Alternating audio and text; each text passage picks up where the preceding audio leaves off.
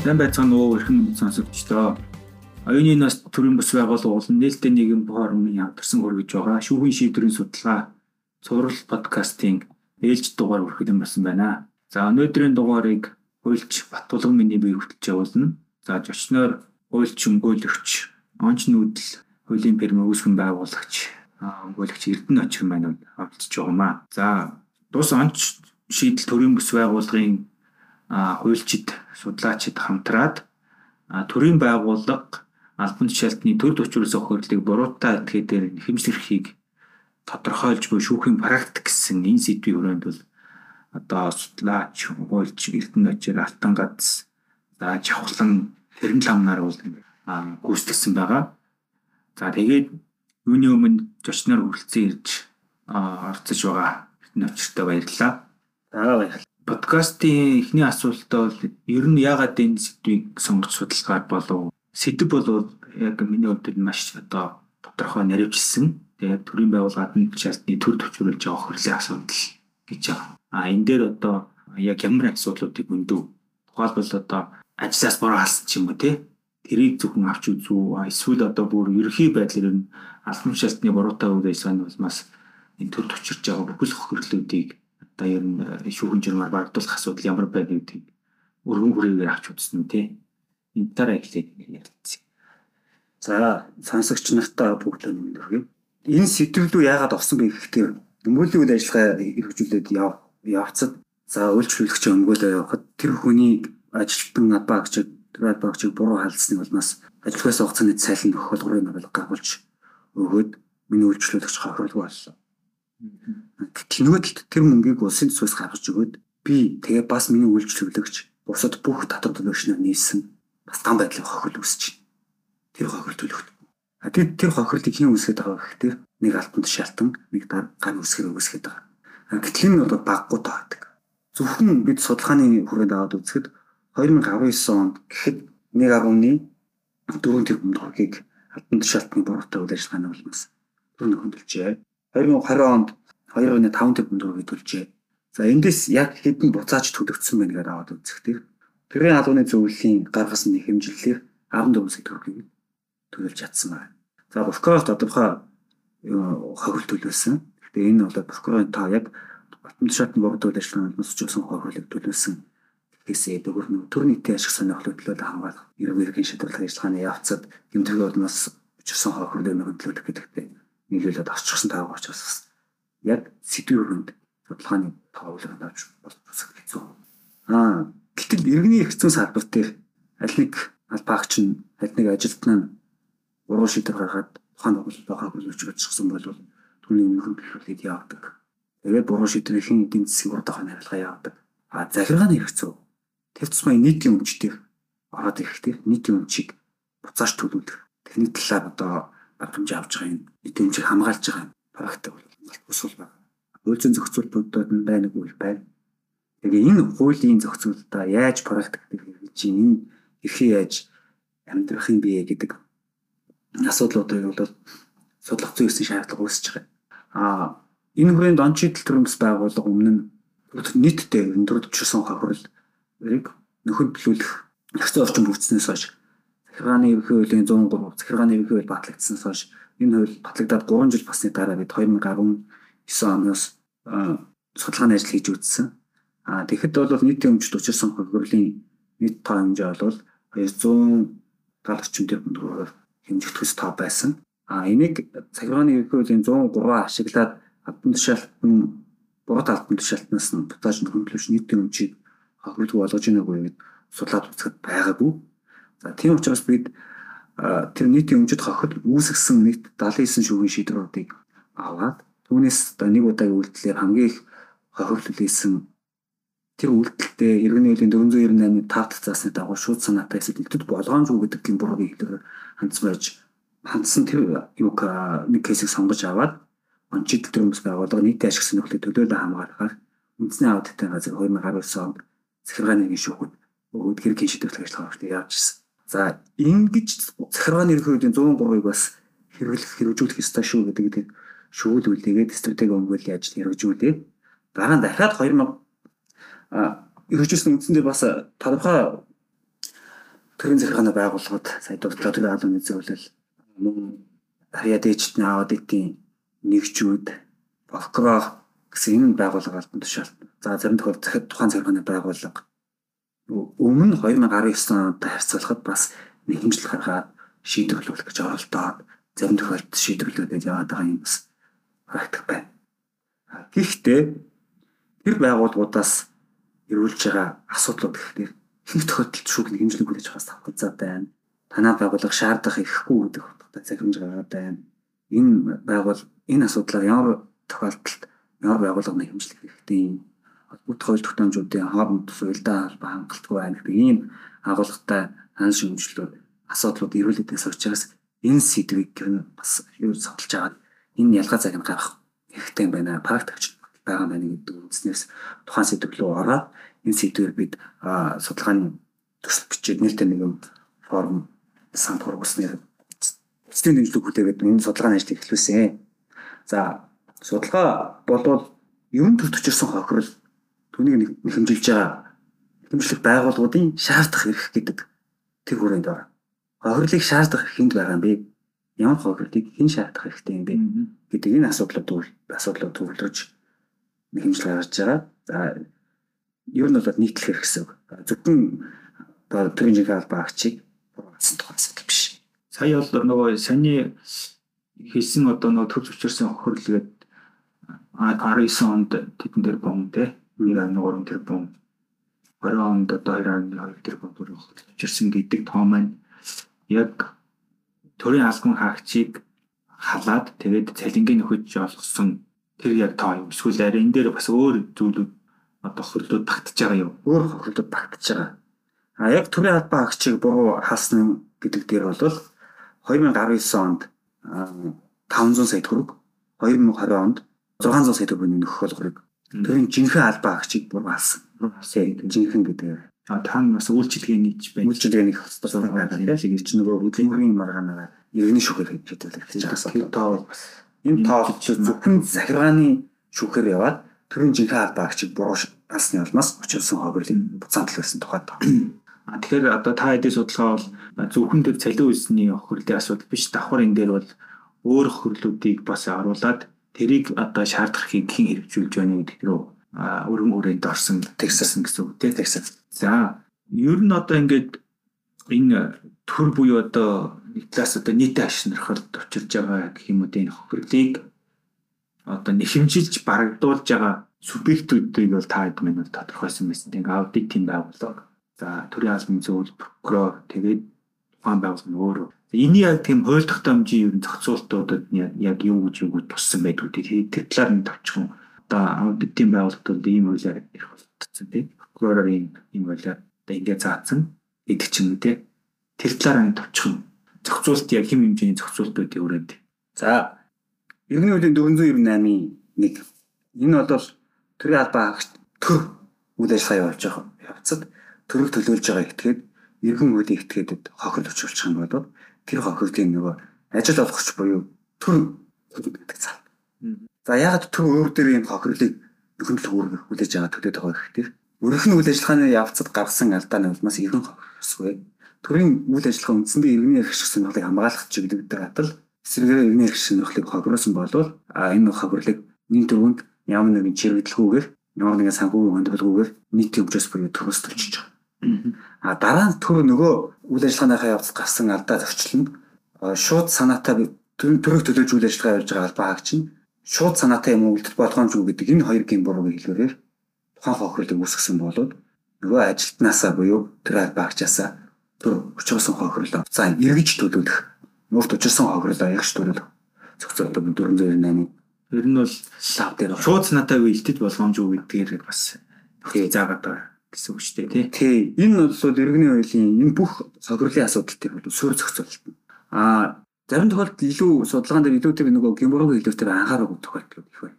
А яагаад энэ хууль тогтоогч шууд санаатай үйлдэл болгоомжгүй үйлдэлээр хохирол өчөөсөн болоод нөхөн гэлнэ гэж хязгаарсан би гэхлээр тэгээ үйл ажиллагааны явцад гарч байгаа эрсдэл бүх гин буруутай гин буруугүй те мэдээж одоо гин буруугүй тэр хохирол өчөөж бодно. Үйл ясны үйл ажиллагааны улмаас хохирол үүсэх юм бол энэ хохирол нүдэн дүүдэг биш аа олгор олгох төрөөс нөхөх бол гурвлах гэдэг хэлцээ. За яг гим гим хор хохирлын асуудал байгаа гэхдээ энэ гим хорыг шууд санаатай биелэлд болгоомжгүй гэдэг хэлээр жуусан байхыг шаардна. А бусад гим бусад гим байгаа гэдэг тийм одоо юуны тэр болгоомжгүйс бусад гим гэсэн үг шүү дээ. Санаа санаатай хэлбэр болгоомжгүйс бусад гим буруу байлдаг. Жижиг алдаагач гэдэг юм. Үйл ажиллагааны яс гасан бүхий эрсдлүүдээс гарсан хохирлыг төрөв төгөлөөр аваад үлдэж байгаа. Яагаад ингэж хууль тогтоогч тогтоож өгсөн бэ гэд үзэхлээр төрийн албаа хаагч ер нь аливаа үйл ажиллагаанд эрсдэл байна.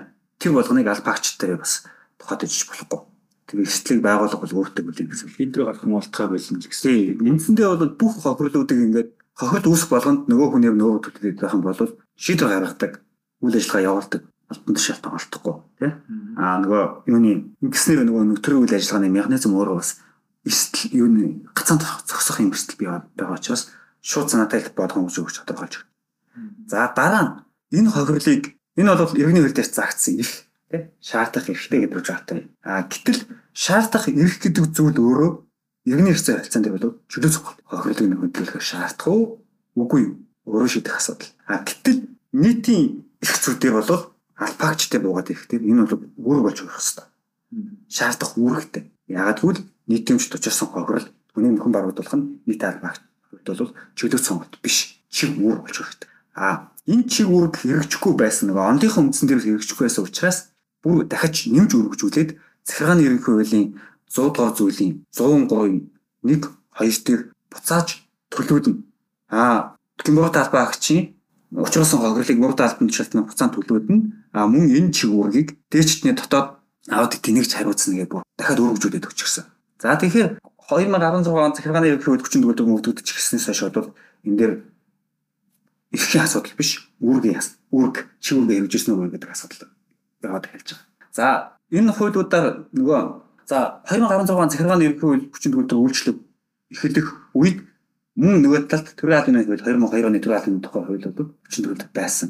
Төрийн албаны тухай хуулийг 39-ийн дэм төрийн албаны зөвлөл юуны албаагчийн төрийн албан албан хаагчийг буугаалсан болон төрийн албаны харилцаатай холбоотой очирсан хохирлыг төвдчүүлсэн хохирлыг төрийн нэрнээс шүүгд нэгмжил гаргаж төлөвлөнө гэдэг зал 39-ийн 1 дээр байсан. 2002 оны төр албаны хуулийн. За мөн нөгөө Говийн тухай хуулийн 20 дугаар зүйлийн 1. Энэ дээр болоод төрнийтэй ашиг сонирхлыг учирсан хохирлыг болоод прокурор төлөвлөнө. А төрийн байгууллагын ингэхдээ нөгөө төрийн байгууллагын учирсан хохирлыг болоод төрийн байгууллагын хүсэлтээр нийтийн ашиг сонирхлын учирсан хохирлыг болоод төрийн байгууллагын хүсэлт болон өөрийн санаачлагаар төлөвлөнө гэдэг залт байна. Тэр бол прокурорын тухай хууль дээр бол бас нэг яриад байгаа өөр зохицуул байгаад идэг шүү дээ. Төр нийтийн ашиг орж өгсөн бол төрийн байгууллагын хүсэлтээр эсвэл өөрийн санаачлагаар. А тэнгууд иргэний ирэг шүүх тэмцэл тул дээр болохоор а бас нэг арай жоохон өөр зохицуулт байдаг шиг санагдав. Тий. Яг энэ хоёрын зөрчилдөөн болоод байгаа. Тэр нь юу гэхээр за иргэний ирэг шүүхэд хяншид иргэний дээр нь тийм байдаг юм байна. Андуурсан байна. Иргэний ирэг шүүхэд хяншид тухай хууль дээр болох тэр а бусдын өмнөөс төлөөлөгч нэхэмжил гаргах тэгэхээр гаргасан нэхэмжлэр юм үүсгэж болно гэдэг. За иргэний юм шүүгд хяншид байх тухай хуулийн 21 дээр бол прокурор төрийн байгууллагын ашиг сонирхол өндөгдсөн бодвол тухайн байгууллагын хүсэлтээр эсвэл өөрийн санаачлагаар тэгээ тусгай тухайн байгууллагын хүсэлтээр учруулсан хохирлыг нэхэмжлэх болно гэдэг утгатай. Иргэний хэрэгцээ харилцаанд нэхэмжлэгчээр олцож болно гэдэг зохицол байна. Тэгэхээр энэ юу хэлээд байна гэхээр прокурорын тухай хуулийг өөрийн санаачлагаар явуулах залт байна иргэний хэрэг шүүгд хянжлуулах тухай хууль дээр болол байгууллагын хүсэлтээр гэдэг зохицолт байгаа. Тий та эдийн судалгаач нь болохоор 21 он тэгдлүү. Тий 21 он. Тий. Тий. Энд дээр бас өөрөө санаачлага гэдэг үү? За тий. Одоо байгаа тий. Тий. Одоо яаж юм. Ингээд судалгааны явцад энэ зохицуултын зөрүүтэй байдлаас балаад иргэний шүүгтэй прокурор нэг хэмжил гаргах тий. Заавал тухайн байгууллагын хүсэлтийг шаарддаг. Хүсэл төрийн байгууллагын хүсэлтийг прокурор дэсний дараа прокурор тэр байгууллагын хүсэлтээр шүүхэд хэмжил гаргаж төлөөлөх хэрэгтэй. А 21 оны 9 сард баха иргэний хэрэг шүүхэд хянж тавьдаг тухай хууль дээр нэмэлт өөрчлөлт ороод батгах зүйлийн нэг дээр нөгөө прокурорын тухай хуультайгаа уялдуулаад төр нэг тийм шиг сонирхолтой өчөөсөн хойд хэмжлэх асуудлаар өөрийн санаачлагаа гэдэг заалт бас нэмэгдсэн. Тий. 21 оны чинь 1 сард 1 сард төрийн байгууллагын хүсэлтээр болон эсвэл өөрийнхөө санаачлагаа гэдэг хоёр алингээр нь ч явж болно гэдэг тийм нэг агуулга. Тий. Явж байгаа яваад байдаг. Тэгээ прокурорын тухай хууль дээр бол бас төрийн ашиг нэрхэл зөрчсөн бол төрийн байгууллагын өсөлт дээр нийтийн ашиг нэрхэл зөрчсөн бол бас төрийн байгууллагын өсөлт бол өөрийн санаачлагаас гарна гэдэг Тэгэхээр одоо төрийн ашиг сонирхол нийтийн ашиг сонирхол гэдэг хоёрыг бас ялгсан юм шиг тийм нэг бас ойлгомжгүй байдал. Ялахад бол миний хувьд энэ жоо төвхтэй юм шиг харагдаад байгаа юм тий. Тийм энэ дээр одоо яг ялгаж ич нөгөө өсөлт шаардлагатай юу үгүй юу гэдэг асуудал яригдана тийм. Нөгөө нэг хэмжил гаргахад тухайн гаргаж байгаа нэг хэмжлэлийн шаардлага нь төрийн ашиг сонирхлыг төлөвлөж гинөө нийтийн ашиг сонирхлыг төлөвлөж гин. Тэн дээр шүүхэтээр Бухкод гаргаж байгаа нэг хэмжилтээр аль ашиг сонирхлыг төлөвлөж байгаа гэдгээ бол тодорхойлдоггүй. А мэдээч чиний ярьснаар тодорхой юуны ялахад бүгдтэй. Том утгаараа бол төр ерөөсө төрийн ашиг сонирхол гэж тусдаа биш нийтийн ашиг сонирхлыг төлөвлөдөг байгууллага тийм. А тэгтэл тодорхой одоо энэ Бухкодын тухай дээр ингээд заачихсан учраас төр нийтийн ашиг сонирхол гэдэг зүйлийг хооронд нь зааглаж ялгах дүгнэх шаардлага үүсэж байгаа. Энийг одоо практик дээр яаж чиглэх вэ? Яаж ямар зүйлүүдийн төр ашиг сонирхол, ямар зүйлүүдийн нийт ашиг сонирхол гэж үзэх вэ? Ямар байгууллагын нийт төчөрсөн, ямар эмнэлгийн өмч төчөрсөн хохирол, ямар хохирлын төрөд төчөрсөн хохирол гэж үзэх вэ гэдэг ийм ядгаа цагийн асуудал гарч ирнэ. Тэгэхээр энэ дээр бол ихэнх тохиолдолд аа өөрийн чигүүргийн гүйцэтгэх явцдаа нийтийн аль нэг байгууллага тариалагддаггүй нийт өмчийн асуудал. Одоо жишээлбэл үндсэл заасан одоо ашигт малтмал бүх нийтийн одоо төрийн нийтийн өмч болох байлгууд нь шүү дээ. Ашигт малтмал, ургамал, хоорон, амтан, ус эдгээр зүйлүүдэд одоо байгаль орчны гэмтэх үлгсэн мэдлэгтэй. Учруулсан хохирлыг нөхөрлүүлэхээр граф энэ тохиолдолд төр ашиг сонирхлыг төлөж шүүхэд нэг хэмжээ гаргаж байна гэдэг байдлаар шийдвэрлэж болно. А бусад тохиолдлуудад нөгөө төрийн өнийт ашиг сонирхлыг төлөж байна гэдэг тийм өөрийн санаачлага. А бусад тохиолдлуудад нөгөө төрийн өмчийн нэг хэлбэр боловч тухайн байгууллагуудын өөрийн өрөнгөд байдаг. Өөрийн өрөнгө төрийн захиргааны байгууллагын өөрийн өрөнгө төрчсөн хохирлуудыг бол тэр хариуцах эзэнтэй эзэмших эзэнтэй төрийн нийтийн өмчийн нэг хэлбэрүүдэд бол өчөөсөн хохирлын тухайн байгууллагын өөрөө нэг хэмжлэг юм байгаа. Нөгөө эзэнтэй учраас те тэр эзэн өөрөө хариуцах эзэн төрийн хөрөнгийг эзэмшиж хариуцж байгаа эзэн нь шүүхэд нэг хэмжил гаргаж энэ хохирлоо нөхөрлөдөх талаар шаардлага гаргах эсвэл тэгж төрөх боломжгүй тохиолдолд Бакрын байгууллага руу энэ талаар нэг хэмжил гаргаж манай байгууллага төрийн байгууллагчсан хохирлыг багтуулж өгч гэдэг байдлаа. Уул нь тэр төрийн байгууллага чи өөрөө хэмжил гаргах боломжтой ирэх нь бол ингээд одоо иргэний хуулиар ингээ ингээ байж ин тий тэр зүйл нэг тэнгүүд одоо өөрийнхөө ажлыг прокуророор хийлгэхээр прокурор тусад гарах юм шиг тэр тохиолдолд одоо шүүх тэрийг яах вэ гэдэг тийм бас сони асуудал байгаа юм байна тий. Тэгээ энд яг хоо иргэний хуулийн 498-ийн 5 дээр нөхөрлөлөг эрэхтэй а мөн захиргааны хуулийн 103 дээр буцаан төлөвлөнө гэж заасан. Тэгэхээр буцаан төлөвлөх энэ чи үргээ яаж хэрэгжүүлэх нь бол бас тухайн байгууллага сонголт байгаа.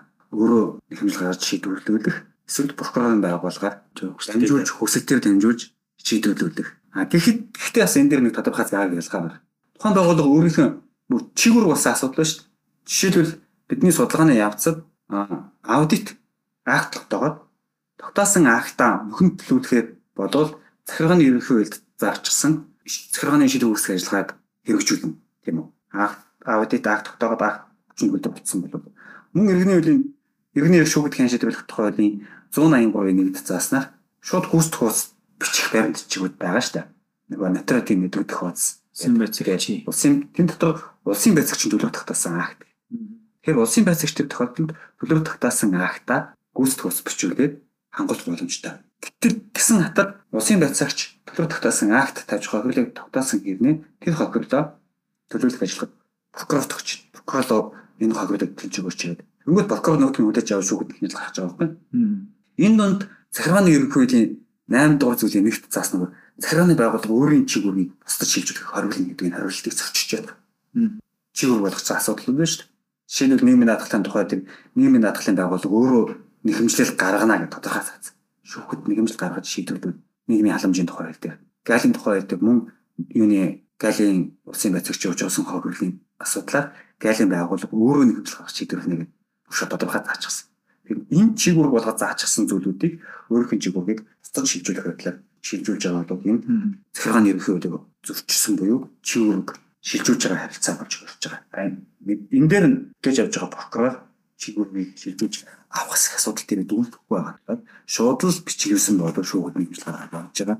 Энэ алдаа За. За одоо ер нь яг тодорхой нэг кейсүүд дээр ороод яриа гэж бодчих. Төрөний ярьснаар бол одоо аудит төрийн албаны зөвлөл, прокурор, хурд төлөөсөн байгууллага өөрөө одоо төр төвчрс төр болон юнити ашиснаар төвчрсөн охирлыг нэхэмжлэх ийм их бол хуулиар бол юм байна. За тийм мэдээ бас салбарын хуулиар байлын тухай хууль нийгмийн халамжийн хууль гэдэг ч юм уу тий. А энэ хуулиуд дээр бас тухайн чиглэлтэй холбоотой асуудлаараа бас хорлыг барагдуулах хууль хуулиар олгогдсон байна гэж цогцолгоон дээр гараад ирсэн байна.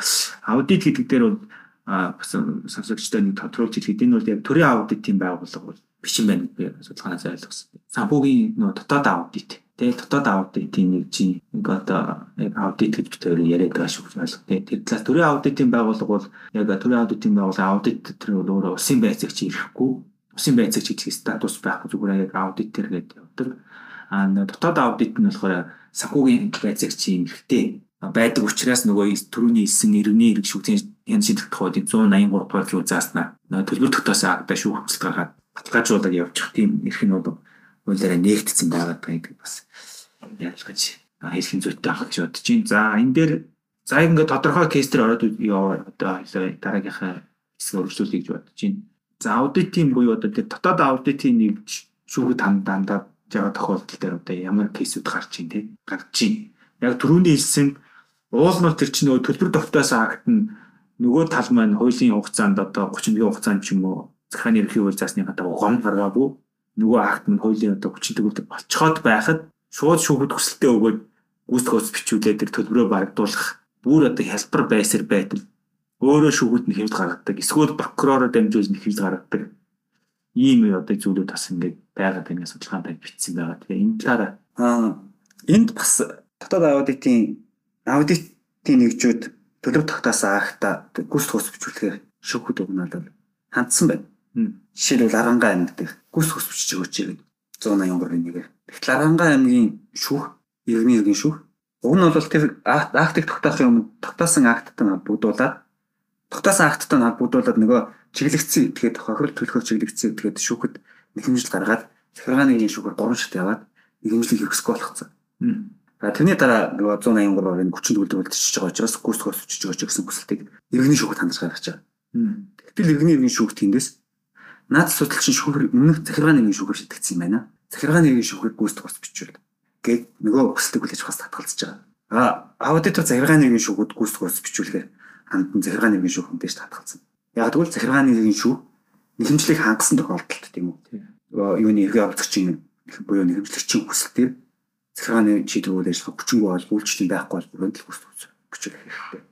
А хүчин төгөлдөр болчихсон гэрүүд ч гэсэн байгаа тэр захиргааны актыг гүйцэтгэх хуудсыг шүүхийн шийдвэр гүйцэтгэх байгууллагад дамжуулж хэрэгжүүлнэ гэдэг бол шүүхийн шийдвэр гүйцэтгэх байгууллага өөрөө шүүхийн шийдвэр гүйцэтгэх биш захиргааны байгууллагын шийдвэр гүйцэтгэх байгууллага болж байгаа юм. Гэтэл энэ дээр ийм эндүүл одоо нөгөө гүйцэтгэх хуудс бичүүлэх гэдэг хүсэлтийг шууд нөгөө хохирлуулах гүйцэтгэх хуудс гэдэг юм биш.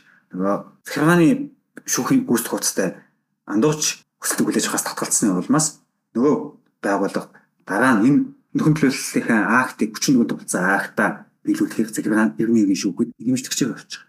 Дахиад нэг хэмжээ гарч байна. Дахиад нэг хэмжээ гарч байгаа. Тэгэхээр энэ дээр юу харагдаж байна гэхээр за актыг гаргалаа. Чиглэгдсэн этгээд шүүхэд нэг хэмжээ гаргалаа. Уран шатны шүүхээр явлаа бас. Тодорхой цаг хугацаа гарна. Тэрний эцэст акт 40 төгөлдөр үлдлээ. Энэ актыг биелүүлэхтэй холбогдуулаад дахиад иргэний шүүхийн уран шатны шүүхийн процедурыг бас хэрэглэг.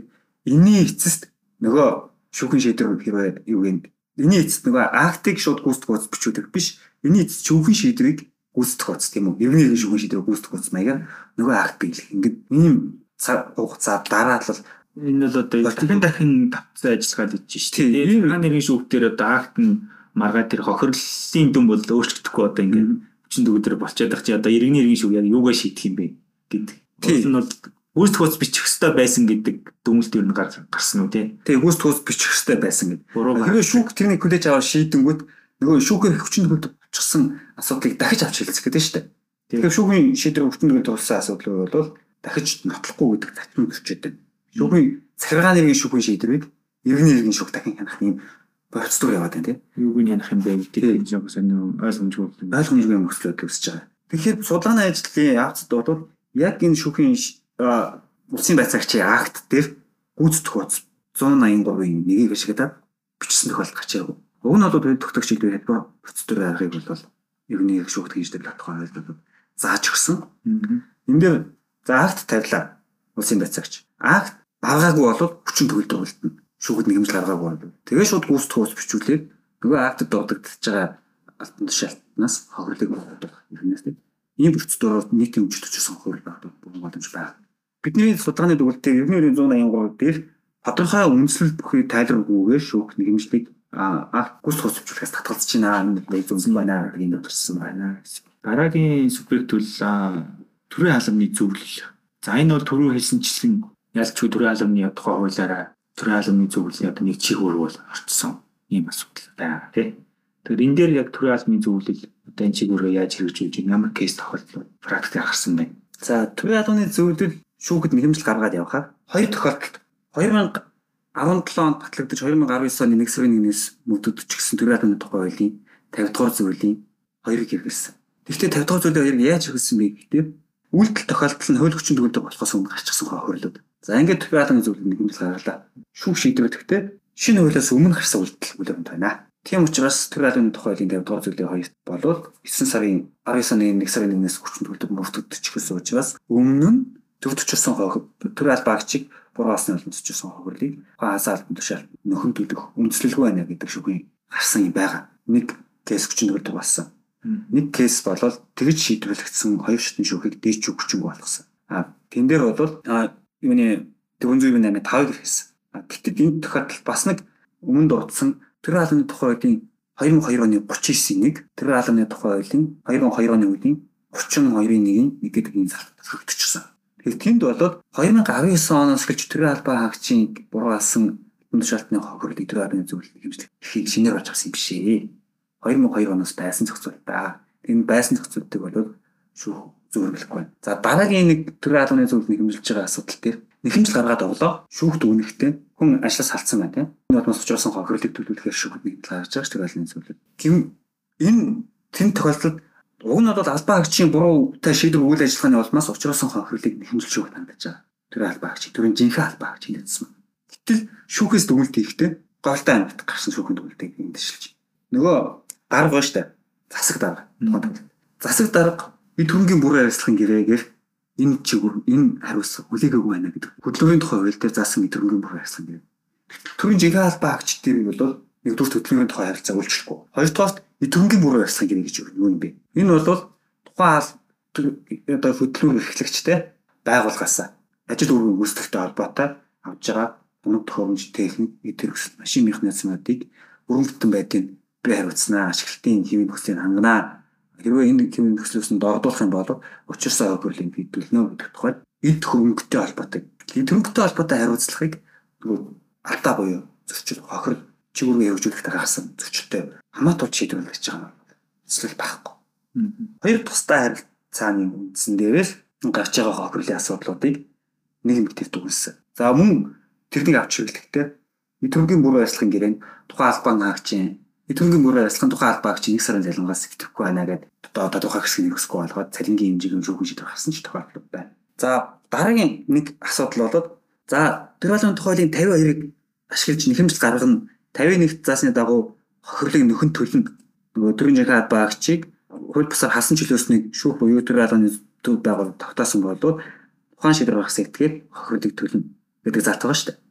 Төрийн албаны тухай хуулийн 51. Тэгтэл энэ залтыг яг тэр байгаль хэлээр нь авч ирж байна. Гэтэл энэ заат дээр бол гэмбургийн хэлэх байхгүй. Шүүхүүд ихэнх тохиолдолд өмнө нь энэ талаар бүгд үгэнсэн гэж тийм учраас бид энэ талаар дуудахгүй гэдэг агуулга дуудагдаад байгаа. Тэр нь болохоор заргаа нэргийн шүүхэн шийдвэр хэлээд байна. Заргаа нэргийн шүүхэн.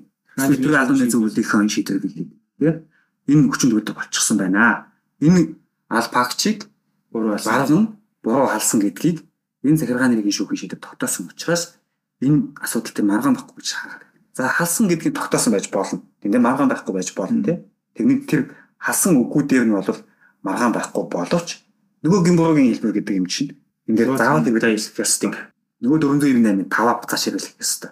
Хэрвээ 498-ын 5-ыг хэрэглэхгүй бол бүх төрлийн албаа хаагчийг алсны улмаас алсан бүх шийдвэрүүдийн үр дагаврыг нөгөө баг бүх тохиолдолд хүлээх гэсэн. Тэр тохиолдолд даргын гимбургуутай шууд санаатай байна уу гимбургийн хэлбэр хандсан хамаагүй гэдэг гараад байх юм бол нөгөө үйл ажиллагааны үндэслэл бүхий эрсдэл байх. Дарах эзэж хүн алахгүй. Муу албаа агчаас төрөс алж чадахгүй гэсэн. За энэ бод мөн тэгээд эцсийн гар үсгийг бол нөгөө дарга зурж байгаа боловч энд бол Гимброгийн хэлээр хаана Гимбро хаана хэндийг үссэн бэ? Тухайн байгууллагын чигүүргээр хүний нөөцийн алба те. Захиргаа хүний нөөцийн албанаас гаргасан алдаа зөрчил бүхий мэдээлэл удирдгаар хангасны үндсэндээ төв шийдвэр гараад гаргасан бол Гимбро нь удирдлагын хөө эсвэл хүний нөөцийн захиргаа хүний нөөцийн албаны хин мэрэгчлэтний хөв те. Гэдэг энэ яг залгааг авахгүй. Залгааг одоо зааг ялгааг ингээд дүгнэхгүй бол гим буруу үгээр хохир төлөх үүрэгтэй болж хүрээд байгаа ийм асуудал байгаа. Энэ дээр бол бүх шийдсэн шүүхийн шийдвэрүүд бол дүнэлт өгөөгүй. Гэмрөө илүүдэрээс үүдэхгүй байна л гэсэн үг юм тийм. За за дараагийнх нь болохоор прокурор яаж одоо төр нийтийн ашиглалтыг хамгаалж зорилгын шүүх тэрийг яаж хүлээж авч чиний буй гэсэн тийм. Тэгээд түрүүн дээр бол хуулийн зохицуултыг нь бол ярьчихсан. Тэгээд тодорхой кейстэй энэ дээр яг юу болж. За прокурор шүүгэд нэмэлт гаргахад хамгийн дөрөнд тулгамж байгаа асуудал тийм тухайн байгууллагын хүсэлт гэдэг зүйл. Прокурорын тухай үйлдэл бол өөрийн байгууллагын санаач, өөрийн санаачлага гэдэг залтан байгаад байдаг. Өөрийн санаачлахаар тодорхой чиглэлүүдээ хэрэгжүүлэхээр шүүгд нэг хэмжээ гаргах тийм. Тухайн байгууллагын хүсэлт алгаа.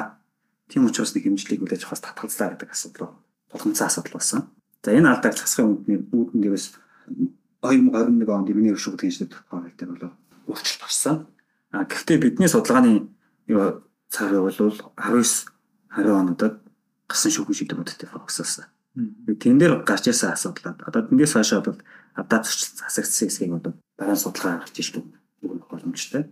За энэ дээр нэгдүгээр өмнө дурдаад өнгөрсөн нөгөө төрийн ашиг сонирхлыг хамгаалж гинүү нийтийн ашиг сонирхлыг хамгаалж гинүү гэдэг зааг ялгаад хэмжил гаргаж байгаа прокуронч дүү зааг ялгаагаа гаргаж өгдөггүй хэмжилтэд дурддаггүй. Тийм учраас бүх тохиолдолд нийтийн юуны тухайн төрийн байгууллагын хүсэлтийг шүүхээс шаардж байгаа. А хэрвээ прокурор тэн дээр дүгнэлт гаргахтаа хэмжил гаргахтаа нийтийн ашиг сонирхлыг хамгаалж байна. Төрийн ашиг сонирхлыг хамгаалж байна. Тий.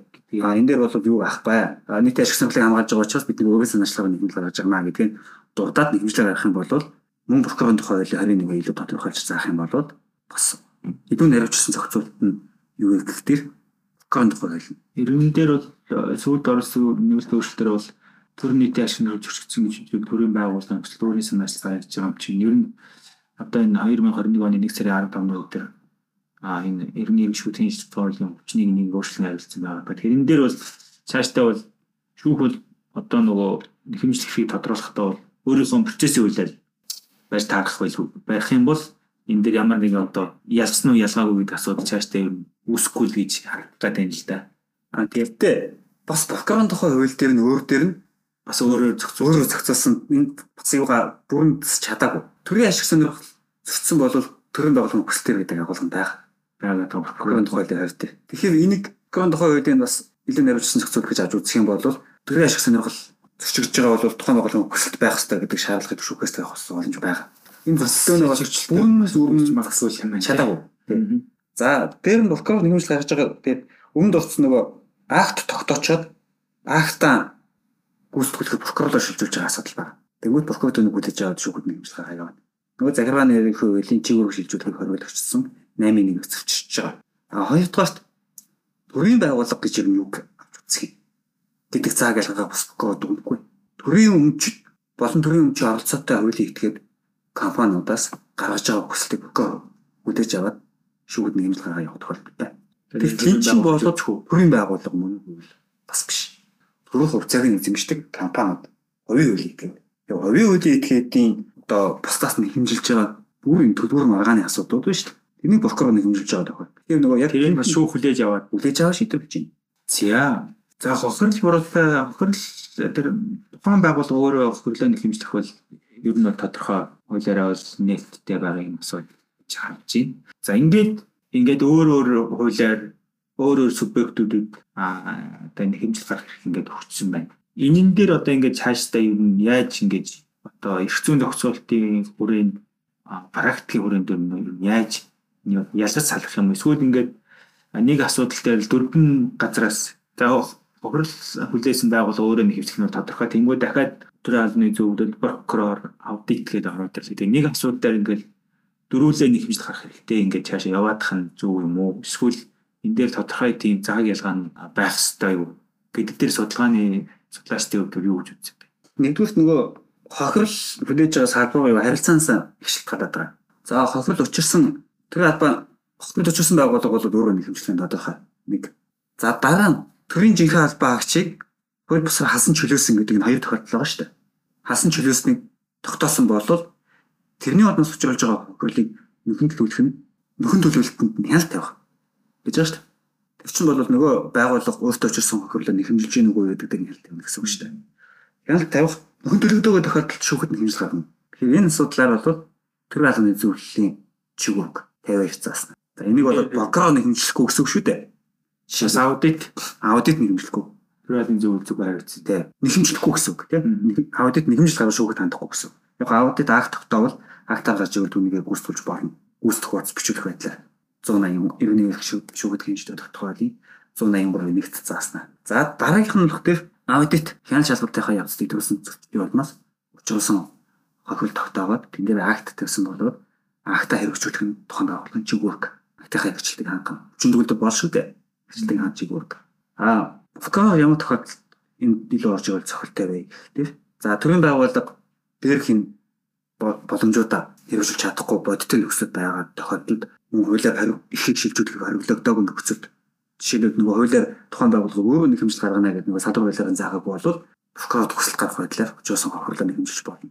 Энэ бол жинхэнэ хүсэлтээ гаргаад Фукагийн байгууллага төрийн байгууллага хүсэлтээр төр төчөрсөн хохирлыг нөхөдлөх процесс. А гэтэл мөн нөгөө талаар прокурор эерэг эерэг болон зөрчил шалган шийдвэрлэх ажиллагааны явцад нийтийн өмчөд тодорхой нөгөө өмчлөгчгүй эзэмшин хариуцагч итгэдэггүй нийтийн өмчөд өчөрсөн хохирлыг барагдуулах. Нийтийн өмч нийтээрээ чөлөөтэй эзэмшиж ашиглах зүйлүүд.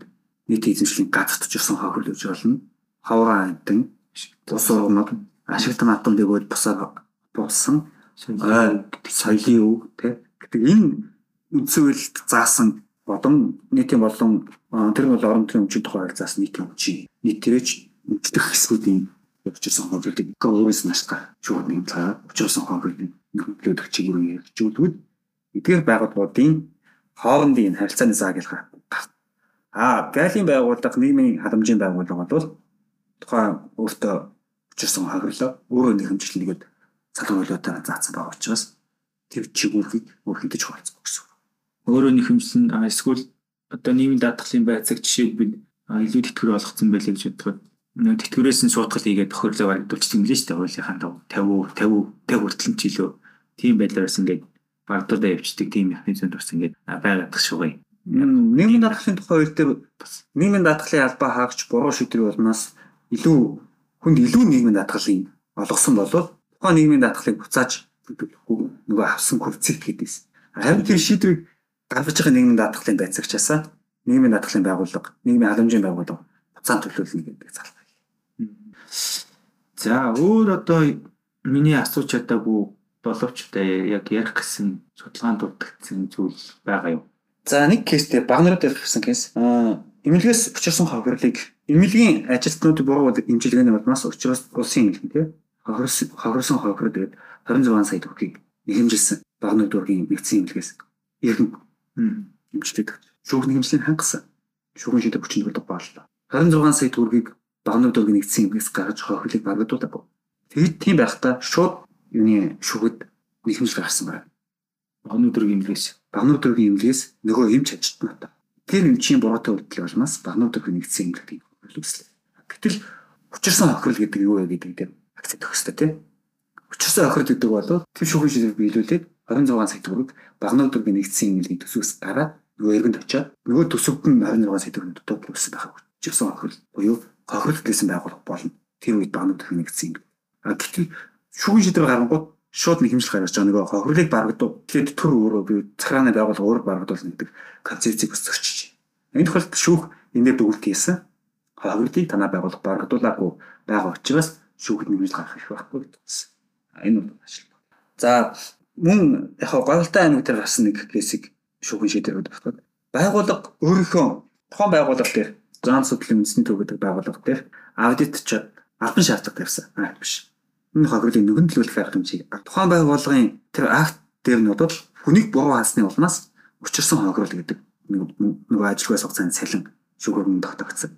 Энийг нүгэн төлөвлөх гэдэг юм шаардлага. За нөгөө албан шаардлагыг биелүүлэхэд тулд нөгөө зан судлалын үндэсний төвчин шүүхэд нэхэмжлээ гаргасан. Тэгтэл тэр нэхэмжлэл гаргах үед байсан захирал буюу дарга өмнө хүн алсан захирал буюу дарга хоёр нэг хүн дарга гэсэн үг шүү дээ. Тэгэнгүүт дарга үндсэндээ дарга альбан тушаалтан зоон судлалын үндэсний альбан тушаалтан өөрөө юугаа иргэн өөрийн шүүхт нэхэмжлүүлж байгаа болж хөрж юм уу? Өөрөө өөрийгөө өөрөө өөрийн шүүхт өгж байгаа юм сайн тохиолдол гарсан. За яг уу яг шууд татгаар өөрөө шүүхэд нэхэмжлүүлж Хэцүү байгаа. эдгээ дээрээ бол арай өөр болно. Тэгээ харагдахгүй тулд өөрийнхөө байгууллагын хуулийн зөвлөхөд итгэмжтэй өгöd хуулийн зөвлөх нь нэхэмжилтээр гаргаас гэсээд иргэн даргаан шүүхэд нэхэмжлэг гаргаж хариуцах шаардлагуудад хэрэгээ шийдвэрлэсэн. Тэгэхээр энд нөгөө яаж шийдвэлсэн бохоо нэхэмжлээ хангасан уу? нэхэмжлийг хэрэгсэхгүй болгож шийдсэн. Нөгөө миний өмнө дууддаг жишээн дээр гарсан өдрөнгөө бүр байсхан гэрээ байгууллагатай хүн байна гэдэг үнслэг.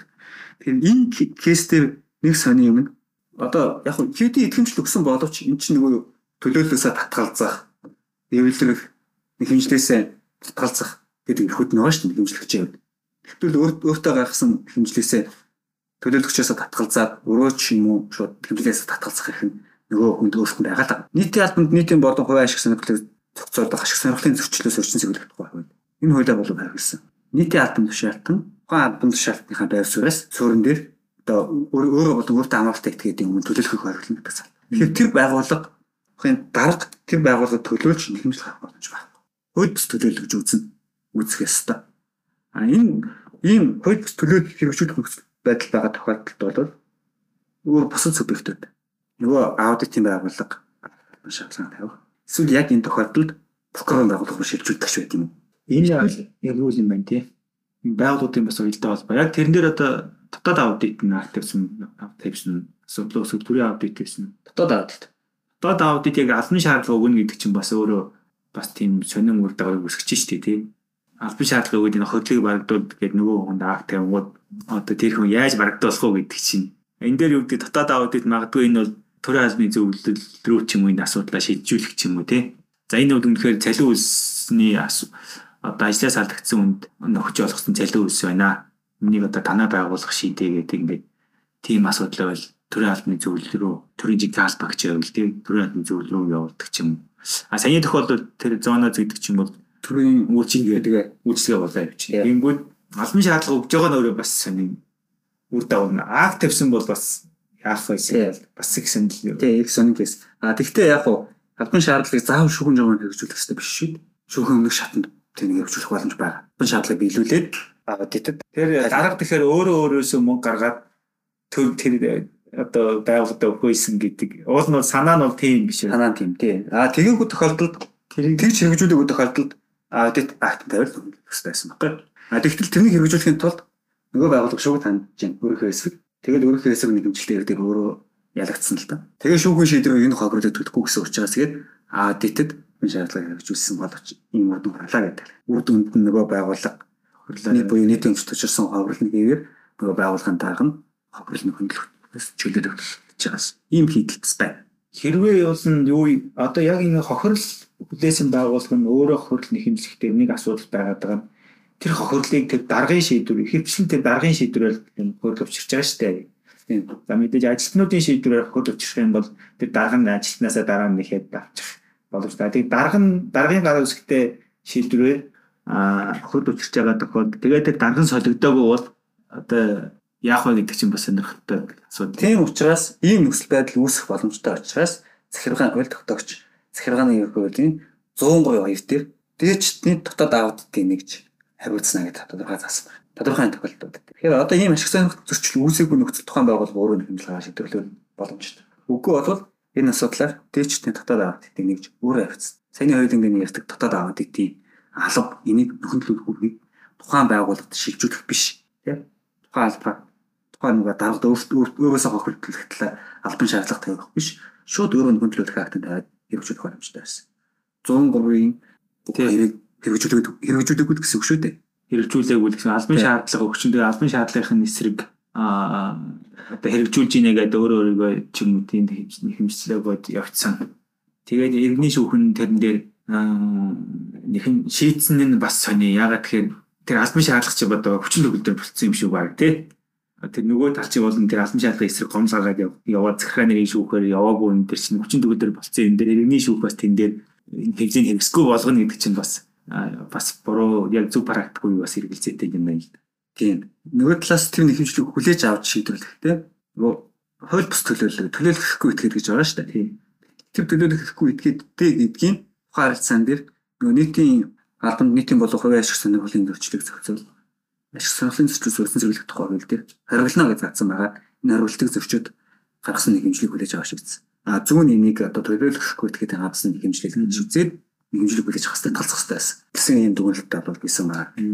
За За ерөөдөө ингээд дээр ярилцах цаг дуусчих юм наа. Дүгнээд хэлэх юм бол одоо маш сайхан сонирхолтой судалгаа байна. Олон шүүхийн шийдвэрийн практик жишээ авсан байна. За яг ингээд шүүхүүд бол энэ төрөлд учирсан бол нийт ашиглалт учирсан энэ охирлтой холбоотой асуудлыг шийдэхдээ бол иргэний хуулийн 498-д 5-д заасан нөгөө шууд санаатай вэжтэд болгоомжгүй гэдэг тэр нөхцөлийг бол бас заавал шалах биш үү гэдэг асуудлыг бол гаргаж ирсэн мэт. Альч байгууллагад хэмжиж гаргаж байгаа тохиолдолд гэдэг асуудал. За тэгээд аудитаас ингээд бас хандж байгаа асуудал байгаа. За энэ дээр бас захиргааны ерхий хууль дээр бол хэрвээ дээжтний дотоод аудитын нэгж байхгүй төрийн аудитын байгууллага хариуцна гэдэг юм бас заалтай байгаа. Тэгэхээр хэрэг хүрээнд бас төрийн аудитын байгууллага хэмж гаргаж явсан уу гэдэг юм. Бас нэг цаана нэг юм үлдэж чинь те. Эзний аудитын газар ч юм уу эсвэл аймаг нийслэлийн төрийн аудитын байгууллага. Яг энэ дотоод аудитын нэгжгүй байгууллагыг орж ирээд одоо хөдөлгөөний нөхөн төлөвлөхээ хэмжиж гаргасан уу буюу акт тавьсан албан шаардлага тавьсан уу гэдэг ч юм уу те.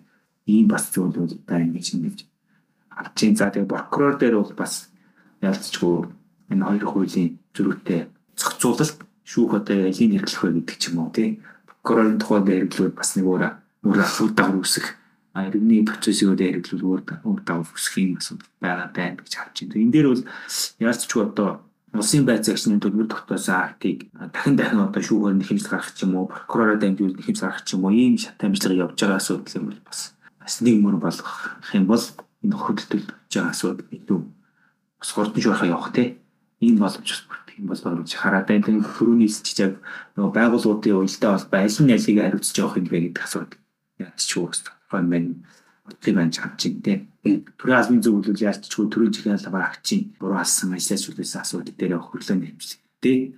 За бусад дээр нь одоо дотоод төрийн аудитын байгууллага айна байгуулалт орж ирэх юм уу тэ. Ийм байдлаар бас гол төгтөмжийн хэрэгжилтийг нэг юм ийм шаардлага байна гэж ингэ судалгааны үр дүн басвал. За ингээд өнөөдрийн төрийн подкаст маний түрээд өндөрлж байна. Хэцүү ярьж шишнаар хэлцээ жирэмгүйчтэй баярлаа.